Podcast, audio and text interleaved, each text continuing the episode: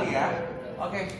Eh, perkenalkan, nama saya Fauzi yang be- mungkin belum kenal di sini.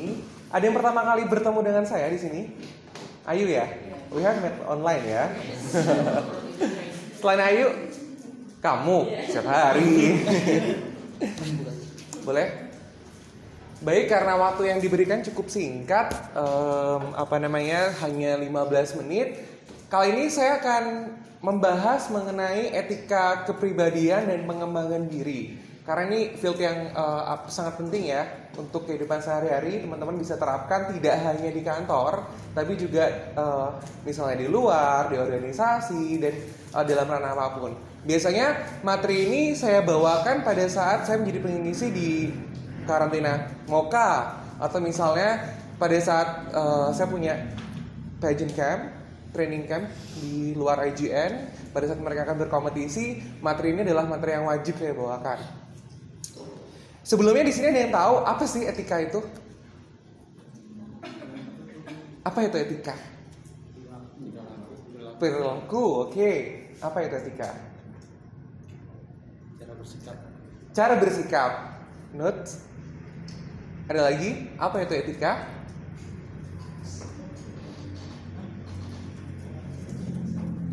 Cara bersikap, perilaku.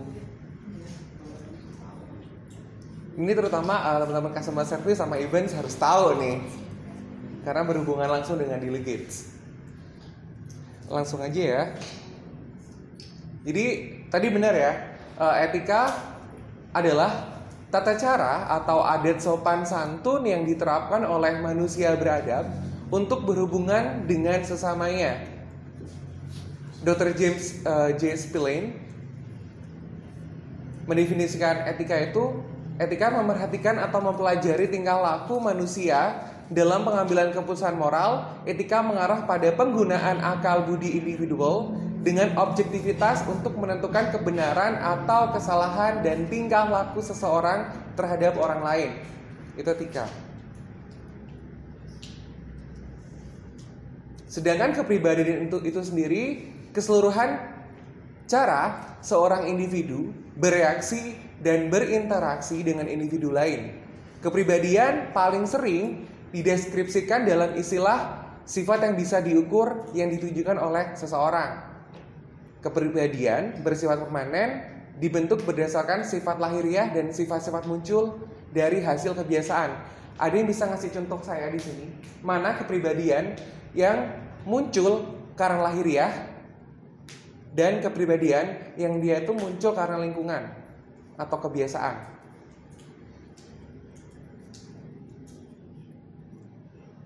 Ada yang mau ngasih contoh atau kalau nggak saya tunjuk?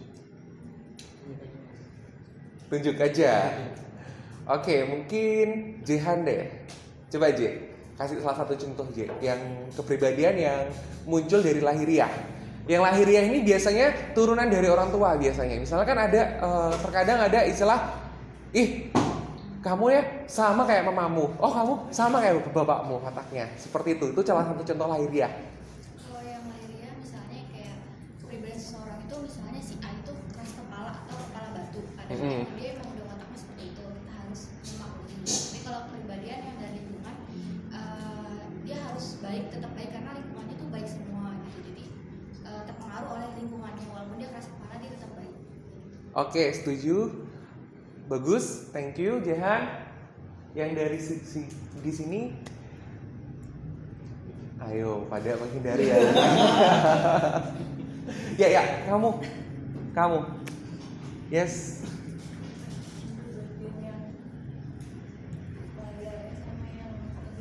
Ya, yang bentuk eh, yang lahir dari lahiriah dan lahir dari eh, kebiasaan.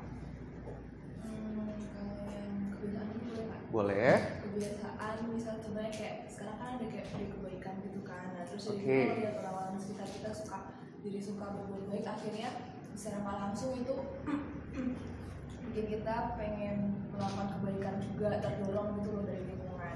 Nah kalau untuk yang bersifat lahiriah itu yang bawaannya eh, kalau misal kayak orangnya sensitif gitu karena memang orang tuanya tuh mungkin memang perasaan dua-duanya atau mungkin memang dia zodiaknya Oh, zodiak. jadi jadi dia sensitif gitu jadi lebih sensitif mendengar sesuatu terus apa kayak dalam komunikasi sehari-hari itu terlalu gampang baper Oh gampang baper. Oke setuju. Jadi eh, tadi cukup setuju ya. Eh, Saya mencontohkan diri saya sendiri misalnya. Contoh salah, salah satu sifat lahirian kepribadian membentuk saya adalah misalnya saya kalau ngomong orangnya cukup tone tinggi. Karena memang di keluarga seperti itu cara ngomongnya. Terus sifat-sifat yang dari kebiasaan misalnya orang yang awalnya tuh jutek, tapi karena lingkungannya itu harusnya tuh harus senyum, maka dia akan eh, ikut senyum, ikutan senyum. Jadi misal kan ada kan ada, ada orang ya yang literally diem aja jutek. Gitu. Duh dia orang ini diem, dia jutek banget orang mau kenalan sama dia tuh jadi jiper duluan. Mau nyapa duluan tuh kayak ah, jadi jiper gitu loh. Tapi sebaliknya ada orang yang memang dia tuh ada orang yang memang dia tuh nyenengin. Diem aja orang pengen apa namanya pengen datang ke orang itu untuk ngajak ngobrol kayak gitu. Itu sesuatu yang memang muncul dari uh, kebiasaan sehari-hari seperti itu. Lalu bagaimana sih cara menjadi pribadi yang beretika? Ada dua caranya.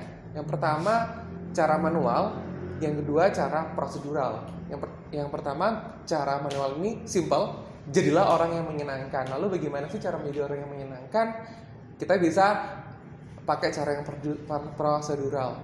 Jadi cara yang prosedural ada aturan-aturan dan nilai dalam masyarakat yang harus kita mengerti dan pahami apa aja? Satu moral kepekaan belajar banyak mengamati sama membiasakan.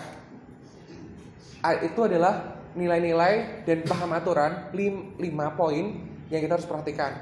Yang pertama ada moral. Ada yang tahu contohnya moral di sini itu apa?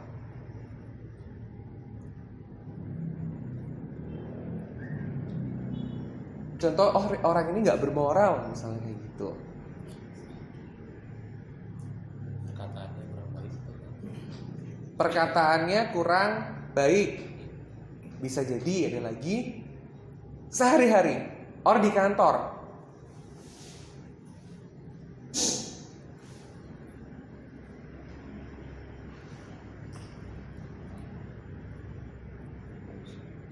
Kita convertnya di kantor ya. Pada saat misalnya ini ada apa sih sesuatu yang oh orangnya kayaknya moralnya perlu dibenerin nih.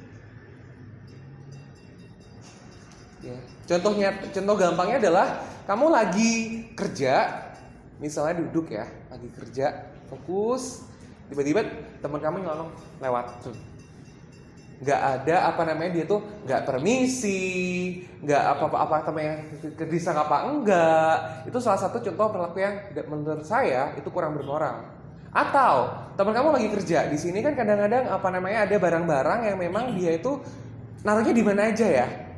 Jadi nggak tahu ini barangnya siapa, ini barangnya siapa, tiba-tiba main ambil.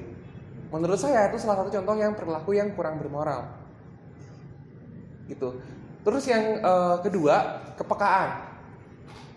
Kepekaan. Kena ada yang bisa ngasih bantu saya ngasih contoh kepekaan. Dalam lingkup kantor yang menurut kalian ini ah ini orang gak, gak peka deh gitu loh. Ini salah satu contoh yang nggak peka nih.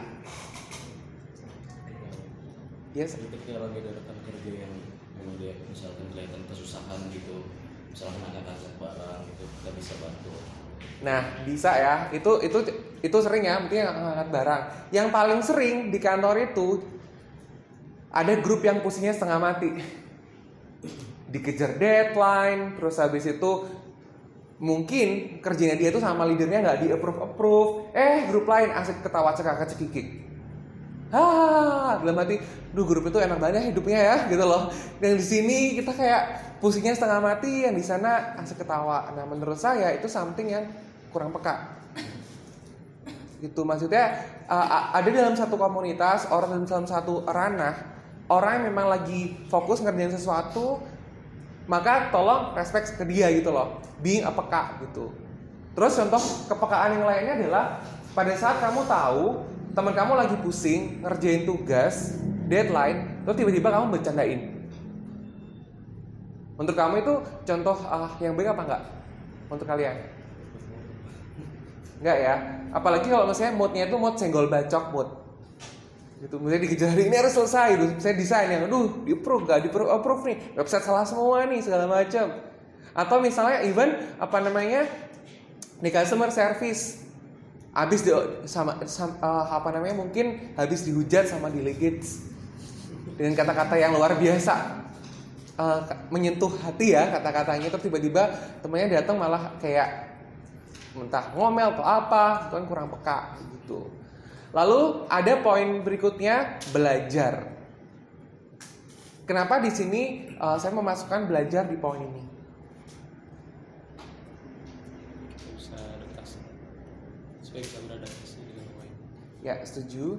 Di sini poin belajar penting adalah pada saat kita bergabung dalam suatu organisasi, organisasi maksud saya, pekerjaan atau dalam eh, komunitas-komunitas lainnya yang di sana terdapat satu, dua, or tiga orang lebih, maka di situ kita harus belajar dan menyesuaikan diri.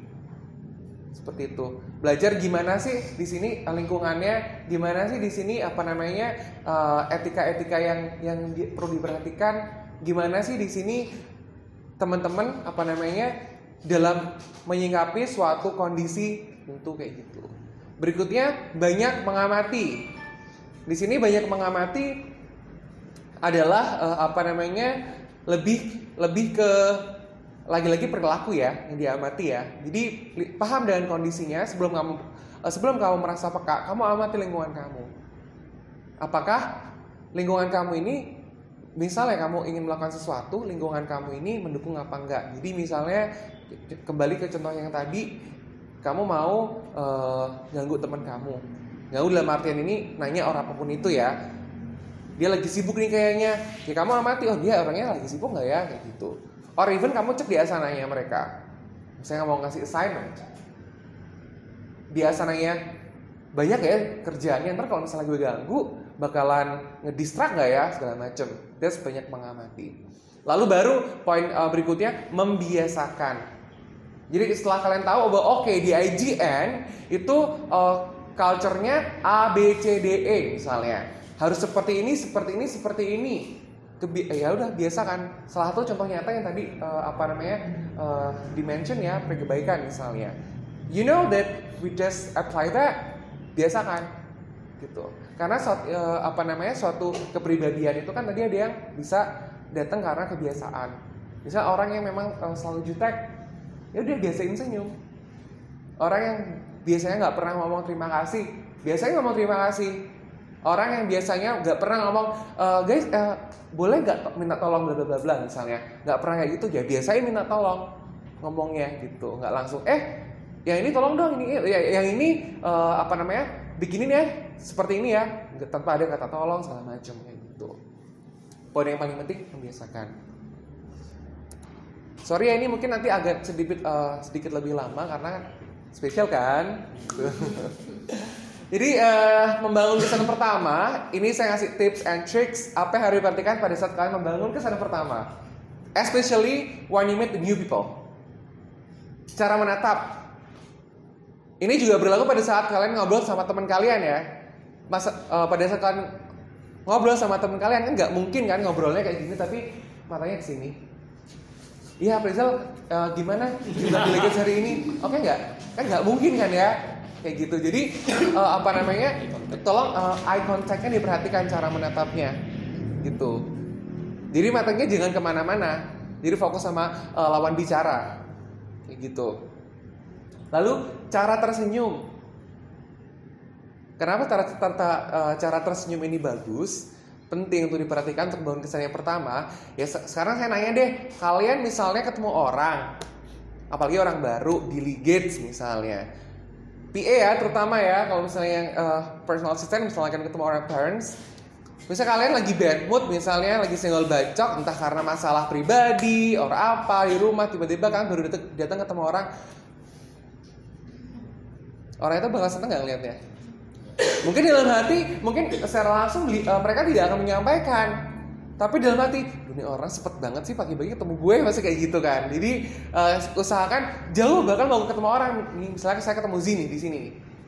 Dari radius berapa meter, udah langsung senyum senyum aja. Tapi senyum senyumnya jangan ha nggak gitu juga. Jadi senyum normal aja kayak gitu halo apa kabar kayak gitu that's that smile trust me it change every single things trust me jadi orang yang eh, ini ini saya sering banget ya eh, apa namanya eh, mengaplikasikan ya. Pada saat saya tuh misalnya desek-desekan di kereta atau misalnya saya tuh nabrak orang misalnya. Itu orang itu emosi ya. Saya hanya balas senyum dong.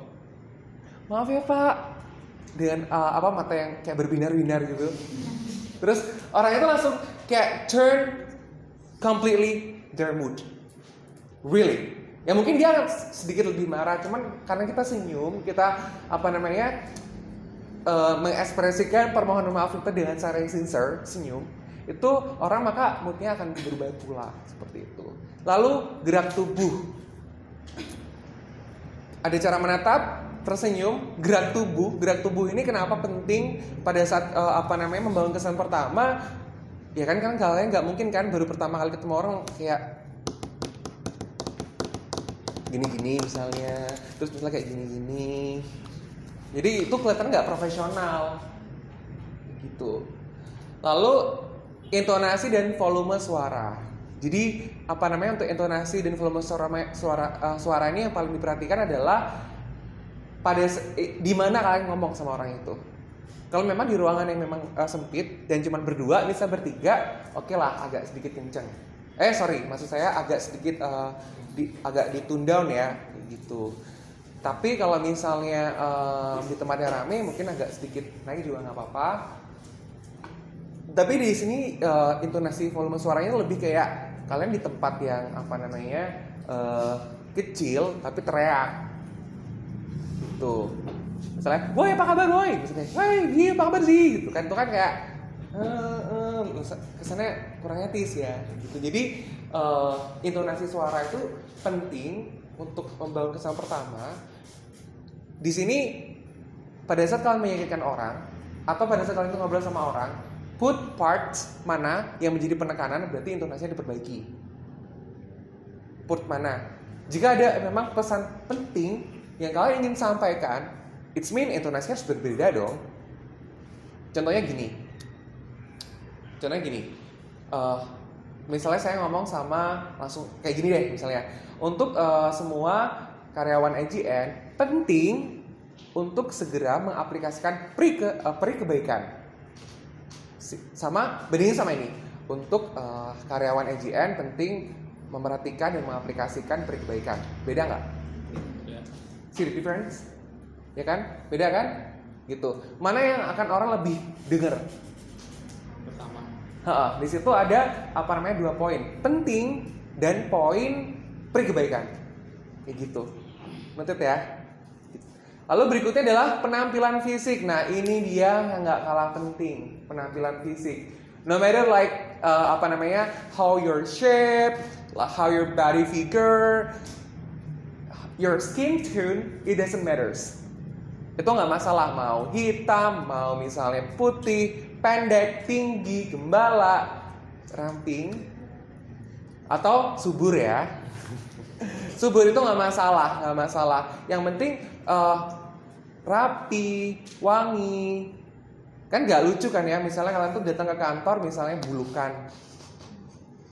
Kayak gitu bulukan. Tapi kan ter- terganggu juga kan ya nanti teman kantor kantornya kan ya. Kayak gitu. Makanya penampilan fisik ini uh, matters oke kita breakdown lagi. Tahapan membangun kesan pertama. Yang pertama ini ada uh, berkenalan for sure. Yang kedua tadi udah gerak tubuh juga udah sempat saya singgung. Uh, berbicara menarik perhatian. Menarik perhatian ini dari cara-cara yang baik ya. Lalu uh, membangun kecocokan, membuat orang lain ingin ber- ingin bertemu kembali. Ini kurang lebih uh, secara umum tahapannya. Sebenarnya ini kalau untuk di IGN sendiri, part yang ini itu sangat uh, apa namanya impact untuk anak event dan juga uh, PA karena mereka nanti bakal ketemu orang baru. Tapi ini juga bakalan uh, impact ke members yang related departemen itu pada saat kalian bertemu dengan karyawan baru. Jadi insya Allah ini bisa diaplikasikan di mana pun itu di IGN atau di luar IGN. Berkenalan. Nah, pada saat perkenalan biar lebih seru saya pengen kayaknya ada parodi deh. Saya pengen tahu coba eh, apa namanya ini eh, yang PA siapa di sini? Angkat tangan. Zara sama siapa? Ayo, Zara Aprizal sama siapa? Jihan kan? Abi Abin Heeh. Coba yang perempuan eh, yang perempuan selain Zara siapa lagi? Ayo J, coba J sama Zara praktikin ke saya dong. Jehan eh, apa Jehan jadi eh, apa namanya? Mamanya orang tua yang galak, yang strict. Terus apa namanya? eh, Zahra jadi PA kita. Rencananya rencananya mau eh, ket- ket- ketemuan gitu. Oke, coba di diparodikin mungkin bisa bantu berdiri. Nanti kita bisa lihat lah ini salah satu pengaplikasian uh, berkenalan in real ya dalam pekerjaan.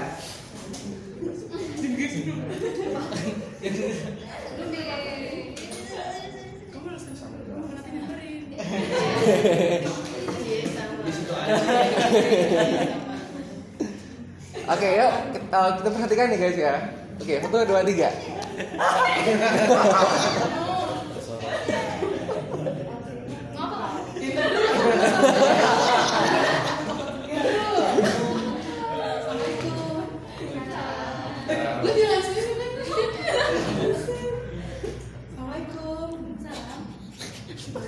Assalamualaikum.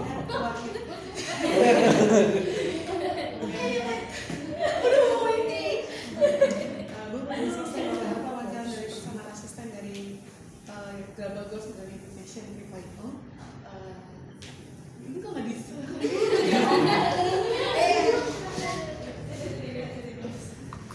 Sambil berdiri aja nggak apa-apa. kayak musuntung Uh, jadi seperti ini bu, uh, karena saya personal asisten, jadi saya di sini akan menyampaikan beberapa hal. Jadi saya di sini akan menyampaikan beberapa hal hal dengan uh, Global Goals Modern Education. Jadi sebenarnya uh, Global Goals Modern Education adalah seperti ini bu. Apakah ada pertanyaan bu? Ada. Bisa dipertanyakan kepada saya. Eh, jadi mau di mana dilaksanakan? Oh seperti ini Bu, jadi karena kami berada di Thailand tapi bukan di Thailand langsung, tapi kami program ini kami ada di Nakon Mayor Bu. Oke oke thank you ya. Oke jadi eh, apa namanya? Tadi eh, udah cukup bagus. Ah, saya pengen eh, dengar pendapatnya kalian nih sebagai orang yang eh, ngeliat.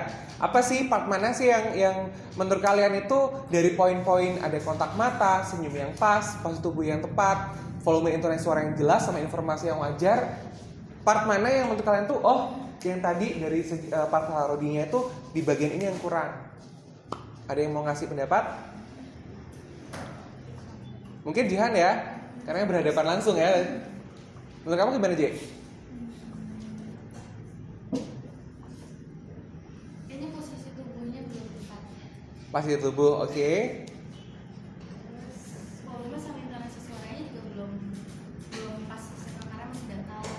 Jadi buat si ibunya itu masih kurang yakin gitu. Jadi harus benar kayak dikasih penekanan di beberapa kata. Oke, eh, setuju ya. Jadi eh, kalau menurut saya tadi kotak matanya juga udah cukup bagus, walaupun eh, apa namanya masih kadang masih agak sedikit ke mana-mana. Se- Senyum yang pas juga udah eh, apa namanya cukup bagus juga. Posisi tubuh yang tepat emang iya. Jadi kalian tuh pada saat misalnya kalian tuh jalan, kalian nggak boleh bungkuk.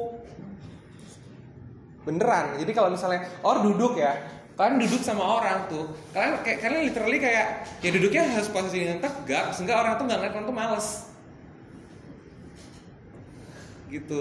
Dan ini uh, apa namanya when Smith the people ya, the people ya nggak bisa kayak gitu. Jalan pun juga nggak boleh kayak keserak-keserak malas gitu. Jadi harus literally tegak, bring your bag or your laptop and you walk. Jadi itu penting. Sehingga orang tua yang mau ketemu itu kayak, uh, ini profesional sekali ya, gitu loh. Gitu. Beda halnya misalnya kalian ketemu orang yang dia jalannya lu lemes kayak gini kayak eh, ya ketemu orang deh. Nggak mungkin kan? Jadi apa namanya eh, itu penting ya. Karena nanti pada saat orang eh, biasanya kan kalau kita ketemuan orang kan pasti pihak eh, customer, eh, customer kita itu pasti yang nungguin kan? Pasti kan kita ngeliat ibunya duduk di sini kalian di sananya datang nah itu kalian ya kalau saya kalian tiga langkah ke depan saya tuh saya kalau saya saya tuh udah bisa menilai orang ini bagus apa enggak? Dari cara jalannya body figure-nya gesture-nya saya udah bisa ngeliat gitu. Sehingga kalau dan, eh, dengan kalian punya gesture yang bagus tegak sebenarnya kalau tegak itu eh, apa namanya for some people itu menunjukkan bahwa kalian tuh prepare siap memang kayak gitu. Terus tadi eh, volume intonasi yang suara yang jelas eh, overall sih udah bagus ya walaupun ada beberapa beberapa, eh, part yang memang eh, kurang mungkin karena Zara orang Jawa ya yang jenje kayak gitu-gitu jadi itu mungkin bagus Heeh. terus eh, informasi yang wajar yang eh, tadi cukup udah cukup baik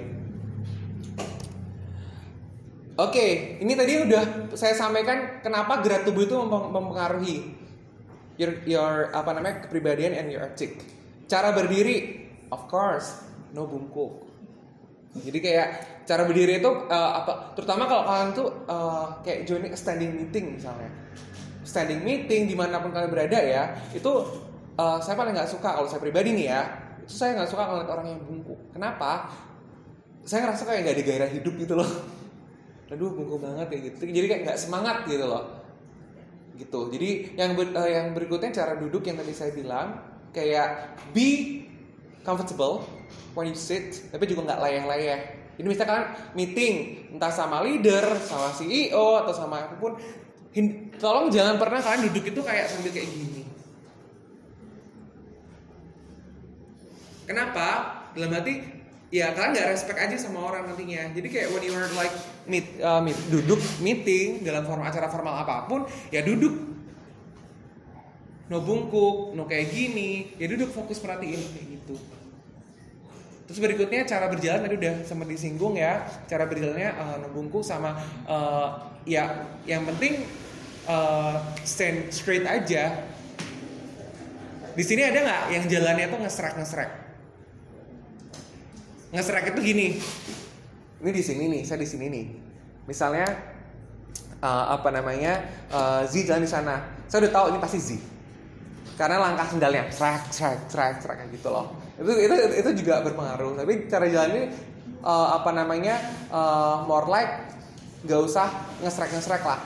Cara berekspresi yang tadi ya coba disinggung ya misalnya kalian itu uh, tersenyum segala macam saya selalu percaya bahwa ini ini kalau uh, saya terapkan ke semua student-student saya ya di luar IGN ya Uh, saya selalu bilang sama mereka when you are joining apa namanya uh, development programs uh, event competition apa pun itu hanya ada satu senyum yang diperbolehkan that's only smile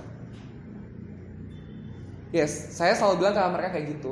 Kenapa? Karena gini, eh, karena mereka kan juga ber- bergerak di bidang servis ya. Misalnya duta wisata, apa pun itu, mereka pasti di bidang servis pekerjaannya. Dan company kita juga work in service field. Di mana ekspresi kalau saya, saya selalu menekankan mereka, ekspresi yang boleh hanya satu, hanya senyum.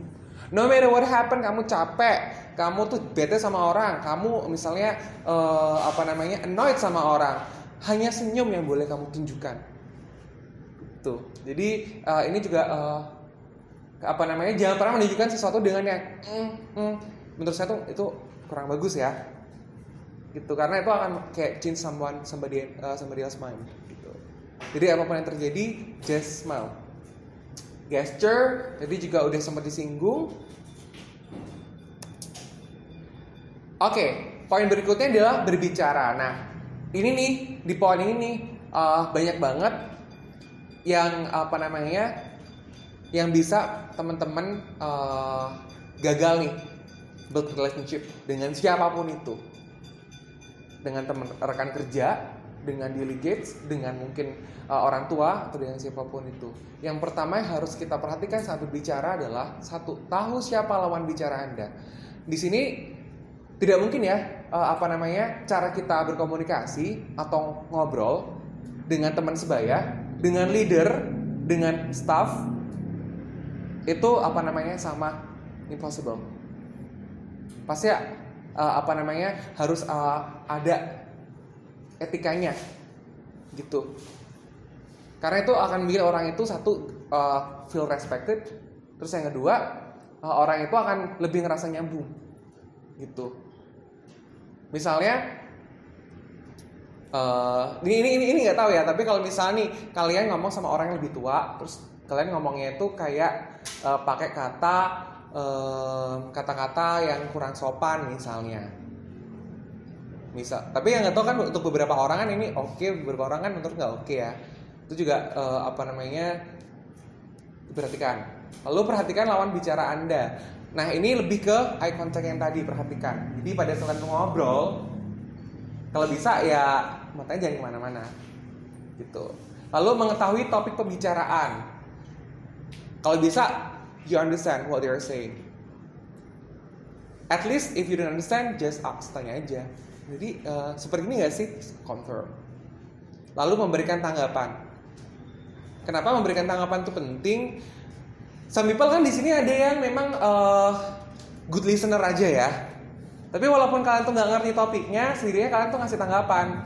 Walaupun cuma sekedar bilang sejujurnya uh, apa namanya saya tahu sih uh, saya kurang begitu paham dengan topik ini. Tapi misalnya as my understanding bla bla bla bla bla jadi memberikan tanggapan itu mau dalam bentuk sabar ya kayak gitu-gitu atau misalnya dalam bentuk uh, misalnya uh, hanya kata-kata formatif, this very very. Okay. Yang penting memberikan tanggapan. Gak literally dia habis cerita panjang lebar, terus habis itu oke okay, gitu doang, nggak. Sama halnya misalnya kalian chat panjang lebar tapi di, balas cuma ye doang.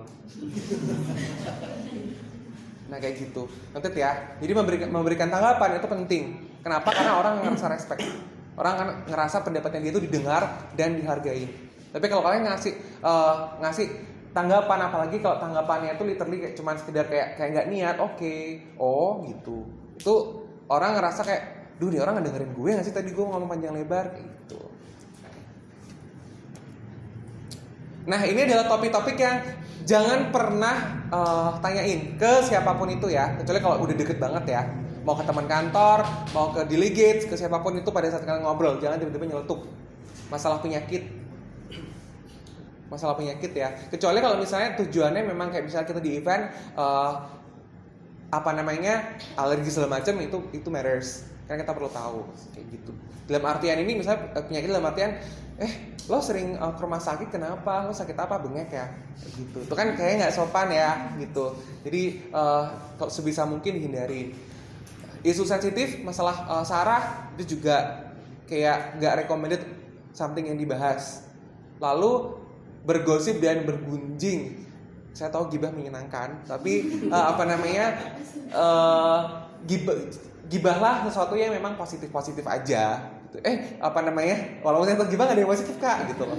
Jadi kayak uh, misalnya prestasi orang misalnya atau apa bagus ya. Uh, si misalnya si si Jihan bagus ya nih aduh gimana ya caranya bisa biar kayak dia gitu.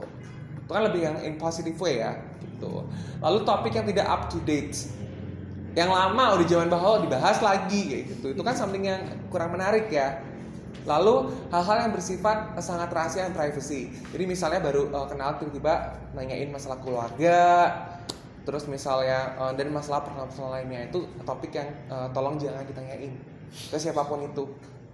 Kalau kalian nggak mau orang itu ilfil gitu. Jadi uh, kalian kalau misalnya kalian jika selama ini kalian tuh deket sama orang atau misalnya sama temen siapa pun itu orang itu tiba-tiba agak-agak sedikit menjauh coba koreksi.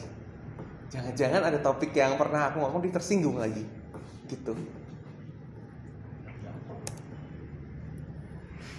Oke. Ini kalau misalnya kita melanggar yang tadi bukan melanggar ya. Kita tuh uh, oven apa namanya the topic usually itu gak related atau menyinggung ini yang terjadi. Kontroversi, salah dinilai, merugikan pihak lain, or mungkin melanggar hukum, mungkin ada pelecehan segala macam, mempermalukan diri sendiri, drama, perang, dan segala macamnya.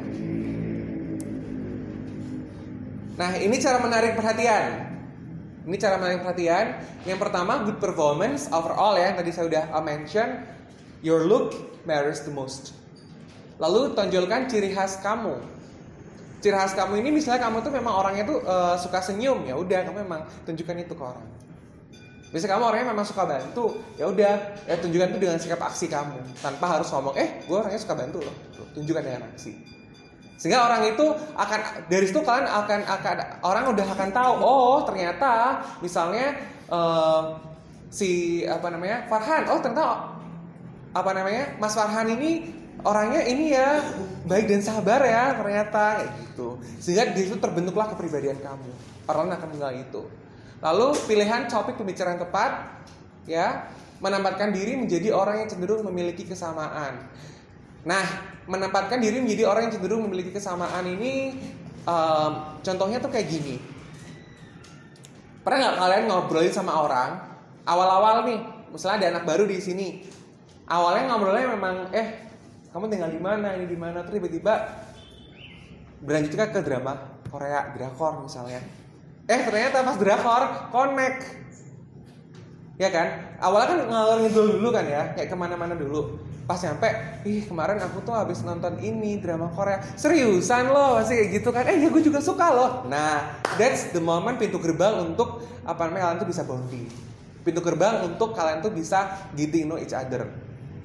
Apanya pada saat kalian memiliki kesamaan. Jadi jadi untuk yang suka drama-drama, or mungkin uh, yang suka main, main games, gitu-gitu.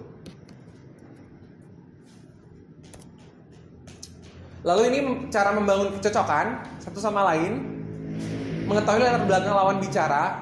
Nah, ini penting mengetahui latar belakang lawan bicara. Latar belakang ini banyak ya, backgroundnya dia, dia itu asal keluar dari mana, terus habis itu si- dia siapa, itu paling matters. Kan nggak kalian kalian nggak mungkin ngomong eh, apa namanya treatment kalian ngomong ke apa namanya ke teman sebaya sama ke CEO kan nggak mungkin kan di, di sama pasti beda. That's the meaning of mengetahui latar belakang lawan bicara se- sesedikit mungkin menunjukkan ketidaksetujuan. Kenapa ini penting?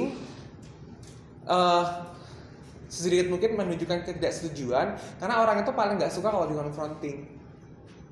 Misalnya nih, eh, Jehan ngasih eh, apa namanya informasi ke saya, kak menurut saya atau Z deh yang sering ya, Z gini gini gini gini, kak menurutku gini gini gini gini gini gini. Ah nggak itu eh, nggak setuju tuh nggak baik tahu terus terus dia datang lagi "Eh, ini gimana? Nggak itu juga nggak bagus. Kurang oke. Semuanya nggak setuju semua.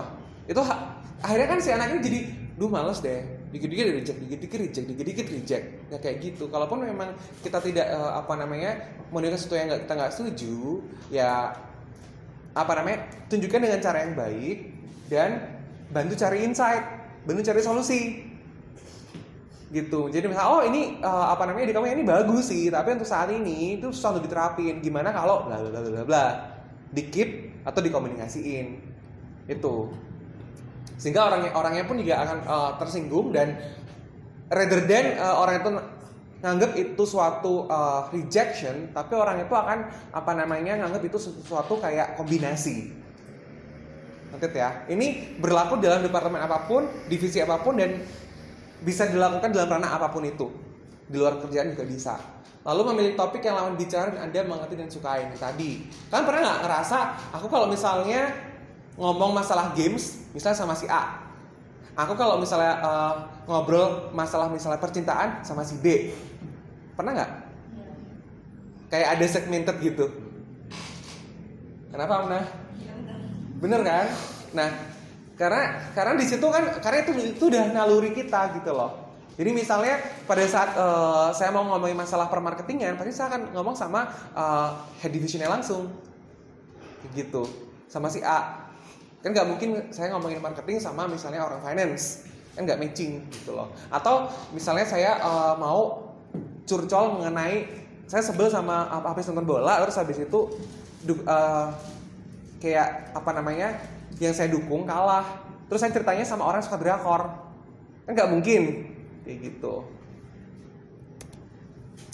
Membuat orang lain ingin bertemu kembali. Nah ini uh, basically salah satu goals yang uh, yang uh, yang bisa ini kayak final goals pada saat orang lain itu suka dengan kita maka dia akan ingin bertemu kembali. Walaupun misalnya dia cuma speak-speak doang. Kayak gitu. Jadi um, sampaikan kesan yang menyenangkan pada lawan bicara, banyak tersenyum dan menunjukkan minat kita untuk ngobrol sama orang itu, menjalin komunikasi selanjutnya. Ini penting ya follow up. Jadi habis selesai kayak habis ngobrol sama orang ini, ya udah besok besoknya nggak mau ngobrol lagi gak kayak gitu. Terus ngobrol, dan uh, it is okay. When you were saying kayak oke kita bisa semua kita bisa ketemu lagi ya. Nah di part yang katakan anda ingin ketemu kembali ini untuk PA biasanya. Orang misalnya even ke delegates berikutnya uh, kepribadian. Insya Allah nggak lama lagi ya. Ini alami bisa dibentuk dan dilatih salah satunya peri, eh, apa namanya peri ke- kehidupan kebaikan. Kehidupan sorry. Peri kebaikan itu something yang menurut saya eh, bisa dibentuk dan bisa dilatih. Jadi orang misalnya awalnya tuh malas naruh barang eh, pada tempatnya dengan adanya peri kebaikan ini udah bisa dilatih tuh. Orang yang eh, sebelumnya itu misalnya habis minjem barang orang lain nggak nggak bilang-bilang itu udah mulai belajar untuk bilang-bilang untuk izin kayak gitu memiliki ciri khas yang tadi saya bilang ada orang memang dia itu suka senyum ada orang memang dia itu uh, mendominasi tegas ada orang memang dia itu ramah. Tunjuklah ciri khas anda. In positive way. Remember in positive way. Lalu mudah dikenali for sure kepribadian yang baik itu orang yang mudah dikenali ya biasanya. Maksudnya kayak ciri khasnya tuh udah too strong sama diri, di- diri dia. Sini ya teman sebayanya itu kalau nanyain e, Jihan gimana sih? Dia udah tahu oh dia orangnya sangat ini kok eh, kayak humble banget gitu. Nah ini kepribadian yang eh, patut kita harus eh, consider ya. Berbeda di setiap orang. Oke kalian eh, berbeda di setiap orang ini gini. Saya selalu percaya saya selalu percaya bahwa setiap orang itu dilahirkan unik. Jadi eh, saya dulu pernah dapat materi di suatu training eh, yang awalnya saya tuh pada saat ada orang yang berbeda dari, dari saya, saya pasti akan bete. Bukan bete dalam arti kayak, "Eh, apaan sih ini orang gitu kan? Apaan sih ini orang? Tapi di di training itu salah satu speakernya bilang bahwa kita terlahir memang beda, orang tuanya beda, dan kita terlahir unik. Dari situ eh, saya menganggap segala macam suatu kelemahan orang atau uh, keunggulan orang itu jadi uniquenessnya dia. Gitu. Sehingga saya melihat bahwa oh ini orang kayak gini ya. Eh, kadang-kadang dia suka confronting. Nah kalau misalnya dia itu bersifat attitude yang kita bisa ngasih masukan kita bisa ngasih masukan. Tapi kalau misalnya misalnya cara ngomong atau misalnya dia tuh ngomongnya keras segala macam itu memang something yang memang it's so him or her. Kayak gitu. Jadi emang berbeda-beda ya guys. Kayak satu orang dengan orang lain itu emang berbeda-beda. Ingat itu. Jadi what we can do rather than apa namanya kayak judging apa namanya giving uh, giving like that comment ya otherwise understand them. Appreciating them. Because we are different. I am different. Aprizal. Aprizal different with Z. Z is different than Aldi. And etc different. Beda. But believe it the world's gonna be more beautiful if one another has a different culture. Gitu. Performance overall uh, apa namanya diperhatikan ya untuk laki-laki. Walaupun rambut misalnya panjang kayak saya sirinya rapi lah. Tuh. Terus apa namanya untuk yang berhijab ya make sure hijabnya tuh uh, rapi makainya wangi nggak lecet kayak gitu. Terus makeup. Nah makeup ini untuk besar untuk perempuan ya biasanya. Jadi kalian kalau misalnya ya make up lah sewajarnya lah when when you work gitu. Atau pada saat kalau kalian itu ketemu sama klien. Kenapa? Itu salah satu ukuran profesional make up pakaian. Kan nggak lucu kan ya kalian ketemu sama orang klien uh, PA pas doing PA job ketemu sama uh, or delegates pakaiannya kaos sama apa gitu kan nggak matching ya. Jadi must be attire uh, attire look terus aksesoris yang sewajarnya aja sepatu nah kenapa sepatu itu penting Uh, terutama kalau misalnya kalian tuh meeting sama orang ya misalnya sepatunya itu Gak usah yang mahal-mahal, tapi sepatunya yang sesuai. Gak mungkin kalian meeting sama orang tapi sepatunya itu sepatu cats. Gitu, tapi meetingnya obrolannya more like obrolan profesional kan nggak ternyata nggak profesional gitu loh. Terus misalnya untuk yang perempuan, misalnya ketemu uh, meeting, uh, ketemu sama orang tua, atau delegate, jangan pernah pakai sepatu yang timplek gitu loh. Pakailah sepatu yang ada haknya sedikit, 2 or 3 cm gitu. Itu penting untuk uh, ngebangun image profesional. Kebersihan dan kerapihan diri, nah penting nih. Mostly di sini udah rapi lah ya, kayak gitu. Itu penting untuk menimbulkan kesan yang bagus dan profesional. Ya, orang yang memiliki etika dan kepribadian yang bagus selalu tahu cara membuat orang lain menyukainya. Bahkan saat belum mengenalnya. Dalam ya maksud ini ya. Jadi orang yang uh, saya pernah ketemu sama orang, saya belum kenal sama dia, tapi saya pernah randomly uh, datang ke dia kayak apa namanya? Aduh saya pengen uh, kenal sama kamu deh. Gitu. Orang mungkin pas di event ya, pernah juga loh, uh, mungkin Lizzie juga pernah ngalamin ya, apa namanya, ada delegate yang dulu pun tiba-tiba nyamperin ke saya, dia orang Afrika misalnya, oh my god, like I love the way, uh, apa namanya, your your attitude, dia tiba-tiba datang kayak gitu, I love your attitude, I love your smile gitu loh, itu kan something yang dia tuh belum kenal sama saya loh gitu loh, tapi dia datang ke saya misalnya, and that point berarti kamu udah udah menunjukkan setidaknya kepribadian yang menyenangkan dan etika yang baik gitu membentuk kepribadian yang everlasting, memberikan teladan, habituasi, dan berkelanjutan. Beriman uh, apa namanya berkelanjut itu penting ya, karena kalau uh, dalam membangun kebiasaan itu kalau nggak ada continuity, apa namanya wasting sama aja. Ini uh, last point pengembangan diri. Kenali siapa diri kamu, apa kelebihan dan kekurangan kamu sejak dini, itu harus tahu ya. Apalagi kan sekarang kemarin kita habis talent mapping ya. Yang yang udah jadi itu kan kamu bisa ngeliat kelebihan kamu apa tunjukkan di situ kekurangan kamu apa cover up your your apa namanya weaknesses olah bakat fokus ke bakat yang kamu suka berkompetisi in good way belajar dan berlatih for sure. Just confidence never uh, never apa namanya never be afraid to make a mistakes karena kalau kalian nggak nggak make mistake kalian nggak belajar lalu uh, berani aja. Berani dalam artian itu bukan berani menyenggreng atau kayak confronting ya. Berani mengemukakan pendapat kalian. It's really very relevan sama IGN uh, values yang be fearless. Itu ternyata di pengembangan diri pun itu matters. Poin yang uh, berani itu.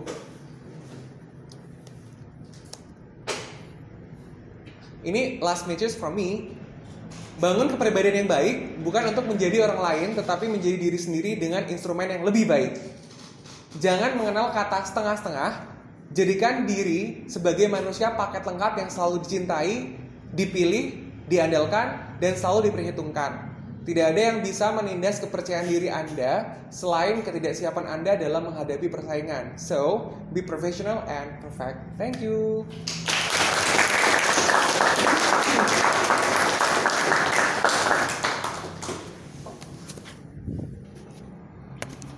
Ya, kalau ada pertanyaan boleh, mungkin saya uh, satu atau dua pertanyaan deh. Yes. Di awal dibaca bahwa etika itu kan korelasinya sama masyarakat. Maksudnya ini bagian dari mungkin peraturan yang tertulis gitu dari. Tapi pertanyaannya masyarakat yang mana gitu? Karena uh, kita bisa beda ketika kita ketemu dengan delegates kita menyadari perbedaan-perbedaan itu kan kayak kalau kita di timur tuh lebih begini, sementara di western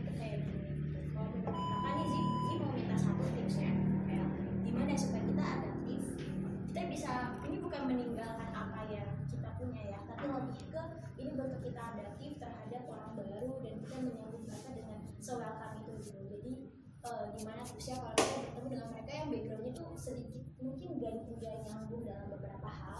Jadi gimana? Terus yang kedua ini berkaitan sama tes minat bakat. Salah satu dari minat bakat itu kan ada namanya WOO winning over others. Uh, kalau secara sederhana winning over others itu lebih ke kita menyambut stranger gitu dengan sangat welcome dan uh, kayak sangat antusias gitu. Sementara WOO itu rendah. Jadi itulah yang menjadikan dia agak kurang nyaman ketemu sama orang baru yang kayak uh, contohnya yang tadi tadi pagi. Jehan kalau Jehan gak kenalin sih sama beberapa admin baru sih gak bakal reaksi hai hai nama siapa? Nggak gitu. Tapi kayak ini kan tuh gak ada kesempatan lain kita bisa project bareng misalnya bikin bareng gitu. Jadi dia merasa kayak orang rendah dan dia merasa itu salah satu kelemahan yang harus jadi eh, tips juga buat yang poin kedua ini Ini jawabannya panjang lebar tapi sebenarnya tapi I'm, I'm gonna make brief ya, a brief ya. Nah yang pertama pada saat ketemu sama orang, terutama delegates ya dari memang dari luar, yang yang tadi ada saya selalu percaya bahwa ada satu uh, basic manusia, karakter manusia yang one another itu pasti akan sama, yaitu senyum. Jadi kayak pada saat menghadapi menghadapi apa namanya orang-orang baru, treat mereka dengan sangat baik, dalam arti welcoming them, you give your best smile to them. Kayak make good impression ke mereka. Kan mereka udah dapat impression tuh. Nah baru pada saat kamu mereka udah udah tahu oh dia orang baik ya suka segala macam pada saat kamu ingin uh, mengatakan bahwa kalau untuk aturan di sini aturan di sini itu seperti ini. Kayak misalnya caranya ya misalnya ada orang yang memang dia tuh maunya alkohol misalnya kan nggak boleh ya. Nah kita menyampaikan dengan cara yang baik tapi karena before that kita udah membangun impresi yang baik itu akan jauh lebih mudah pertanyaan adalah apakah kita pertama kali ketemu mereka kita ngasih impresi itu apa enggak jadi misalnya kayak aku ketemu sama Z maksud kamu misalnya kamu orang uh, Europe misalnya Z aku ketemu sama kamu Hello Dizzy, how are you? Pasti aku akan nanya gitu dengan senyum gitu loh. Oh, I'm great, uh, segala macam. Terus like, how was so far? Segala macam. Aku nanya, aku akan nanya personalnya dia dulu. Yes, uh, everything is nice. Blah, blah, blah, blah, blah, blah. Udah kan, aku udah nanya, baru aku akan akan berikutnya akan nanya, is there anything help? Kan saya dia, oh ya apa namanya, uh, dia nanya, iya ada tuh like alcohol, blah blah blah blah, blah. is like in, in, this environment, are we provided or not? Gitu. I can understand what to be want, what to be your need, but unfortunately, we don't have it. Is it okay for you? Dengan seperti itu, pasti dia akan bilang, oh, this is this is fine. Itu sesuatu yang selalu selama ini aku selalu terapin. Nggak langsung, is there anything I can help? No. Nggak langsung kayak gitu. Nah, jadi selama ini kamu bisa uh, coba throwing back. Apakah kamu ngelakuin itu? Gitu. Kalau kalau karena kalau kita nggak orang kayak baru datang tiba-tiba, iya perlu apa? Misalnya kita nggak ngasih apa yang dia mau, pasti dia bete. Tapi kalau kita tuh kayak uh, ngobrol cicat segala macam, apa namanya pasti sebenarnya dia akan understand us. Gitu. Terus yang kedua untuk uh, kembali ya ke yang tadi, kan kebiasaan itu ada yang dia tuh bisa dibentuk. Itu maksudnya kebiasaan sih. Itu masuknya bukan uh, apa namanya permanen per- permanen.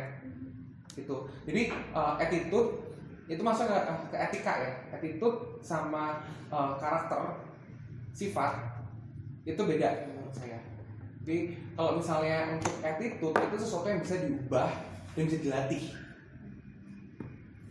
Gitu. Jadi pada saat misalnya kamu ketemu sama orang baru, apa namanya? Ya coba hi aja. Halo apa kabar? Itu kan lebih simpel. Misalnya kalau belum, belum kenal, eh new member ya, new member ya gitu. Atau atau misalnya kamu ya ngobrol biasa aja, atau apa kabar? Kita belum kenalan deh kayaknya. Gitu. Ini siapa?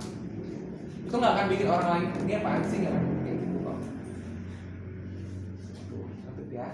Ada semoga satu lagi pertanyaan. Yes, Mas Arya. agak nih. Ya nggak apa-apa. Jadi saya pernah mendengar statement atau pernyataan kita tidak bisa menyenangkan semua orang ya. Mm-mm. Nah, kita misalnya customer kita. Mm-mm. Di mana mana banyak mungkin lover juga ada, haters juga ada. Yes. Bagaimana kalau menurut uh, tanggapan Mas Fauzi tentang ini? Oke, saya setuju.